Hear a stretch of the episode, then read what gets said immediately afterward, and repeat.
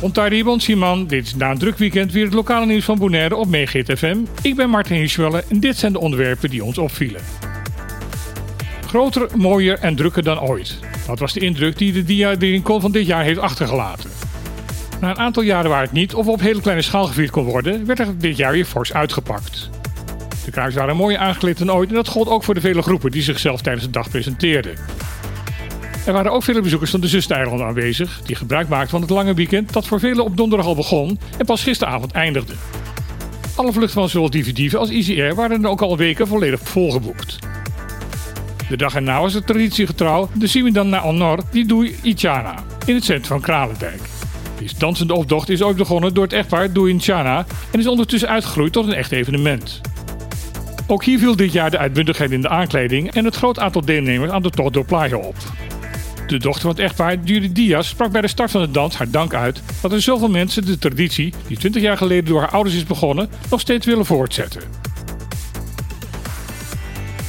Niet geheel onverwacht, maar voor veel mensen toch verrassend, heeft gedeputeerde James Kroon bekendgemaakt dat hij stopt als partijleider van de UPB. Tijdens de verkiezingsperiode afgelopen maanden werd het al snel duidelijk dat de positie van Kroon ter discussie stond. De partij stond er in het begin van de verkiezingscampagne er slecht voor in de peilingen en er werd gevreesd voor een zwaar verlies. De in alle eil van stal gehaalde oud-partijleider van de UPB, Ramasito Boy, wilde daarom een andere politieke koers inslaan. Hij maakte daarbij ook duidelijk dat zijn opvolger Kroon niet in dat plaatje paste. Daarmee werd de net hergekozen lijsttrekker van de partij vrijwel monddood gemaakt. Deze tactische zet bleek goed uit te pakken, want de UPB won ten opzichte van de vorige verkiezingen een extra zetel. Opvallend was daarbij dat Kroon, ondanks het feit dat hij vrijwel geen campagne mocht voeren, toch een groot aantal voorkeurstemmen kreeg. Dat resultaat heeft zijn bestaan als partijleider echter niet mogen verlengen. Afgelopen zaterdag maakte Kroon bekend dat hij deze functie per direct neerlegt. Hij blijft als gedeputeerde wel deel uitmaken van het nieuwe bestuurscollege. Het lijkt erop dat de verkeersdeelnemers op Bonaire zich structureel niet aan de verkeersregels willen houden. Tijdens de controles die de afgelopen maanden door de politie zijn uitgevoerd, vallen de vele bekeuringen op die worden gegeven voor het niet hebben van de juiste papieren en onder invloed zijn van alcohol. Daarnaast wordt er vaak gereden zonder veiligheidsgordels en zonder helm. Afgelopen week werden er ook een aantal bestuurders aangehouden waarvan het rijbewijs bleek in te houden te zijn. Dit wordt door de wet niet gezien als een verkeersovertreding, maar als een strafbaar feit die kan leiden tot een gevangenisstraf. Uit de cijfers blijkt dat bij meer dan de helft van de gecontroleerde weggebruikers iets niet blijkt te kloppen. Dit rechtvaardigt de conclusie dat meer dan de helft van de weggebruikers op Bonaire zich niet aan de regels houdt.